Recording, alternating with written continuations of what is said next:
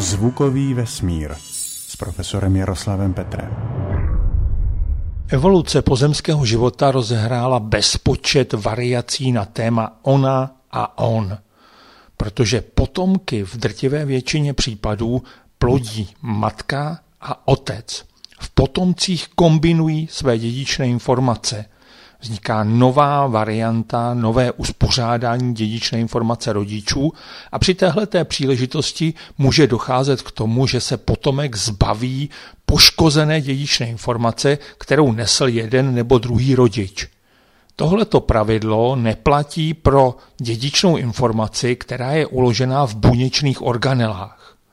To jsou buď mitochondrie, které najdeme jak u živočichů, tak u rostlin, nebo jsou to chloroplasty, které najdeme jenom u rostlin.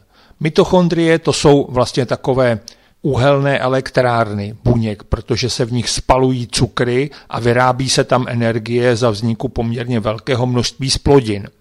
Chloroplasty můžeme označit za jakousi obdobu slunečních elektráren, protože napomáhají rostlinám k tomu, aby přeměnili sluneční energii na kaloricky vydatné cukry. A právě mitochondrie a chloroplasty se dědí jiným způsobem. Tam se nekombinují mitochondrie a chloroplasty od obou dvou rodičů. Má se za to, že mitochondrie a chloroplasty předávají výhradně matky, zatímco otcové je svým potomkům nedávají. Je to tím, že v pilovém zrnu jsou mitochondrie eliminovány a chloroplasty se tam nedostávají.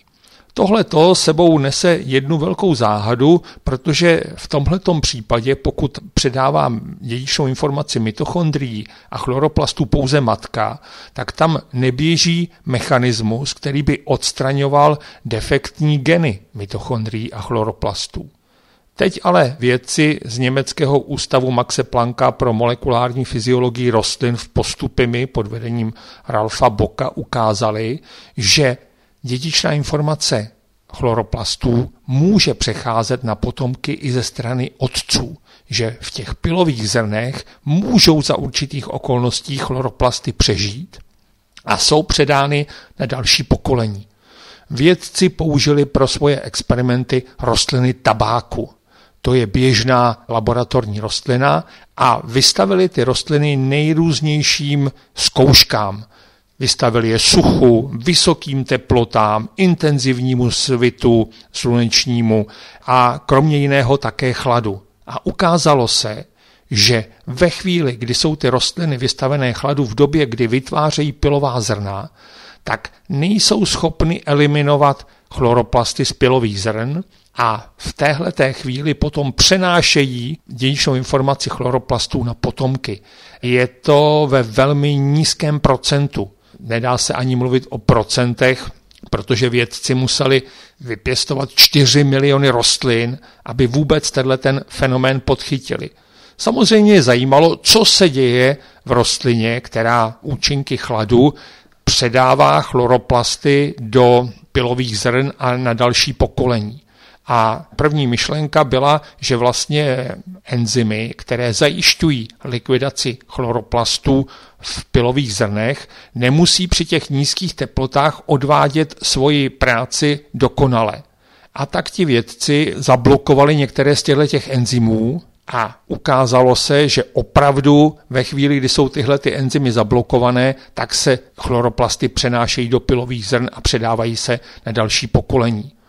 Pokud byly rostliny tabáku vystaveny nízkým teplotám a zároveň měly ještě zablokované enzymy, které likvidují chloroplasty v pilových zrnech, tak se přenášely chloroplasty ze strany otce na potomstvo s četností 2 až 3% to se může zdát jako zanedbatelné, ale je to neuvěřitelný pokrok, protože za normálních okolností dochází k přenosu chloroplastů s četností zhruba 1 ku 100 tisícům.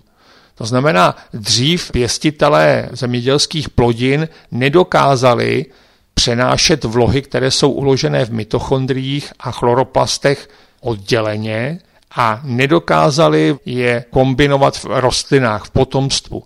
Dnes s využitím těchto těch technik to zřejmě půjde a může to přinést pro šlechtění rostlin velký pokrok.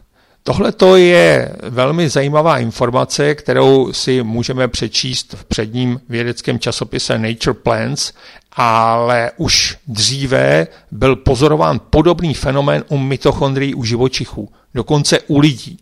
Tam se vždycky říkalo, že mitochondrie, mitochondriální dědičná informace je přenášená na další pokolení pouze ze strany matky a otec, že ve spermích mitochondrie nepředává.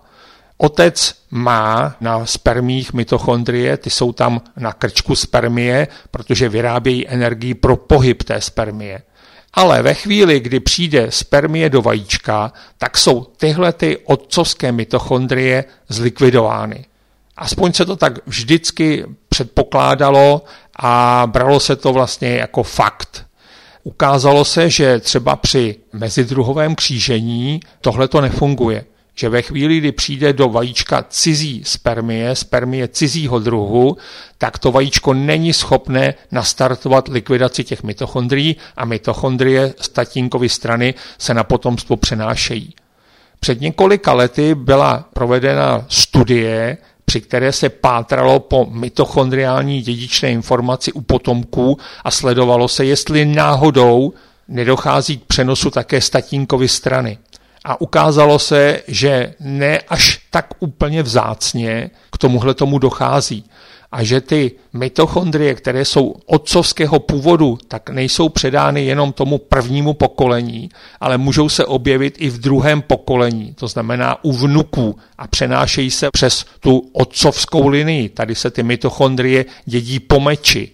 Takže vidíme, že příroda si pro tyhle ty účely našla uličky, našla si cestičky, jak předat i tuhle tu dědičnou informaci z organel od otců na jejich potomky.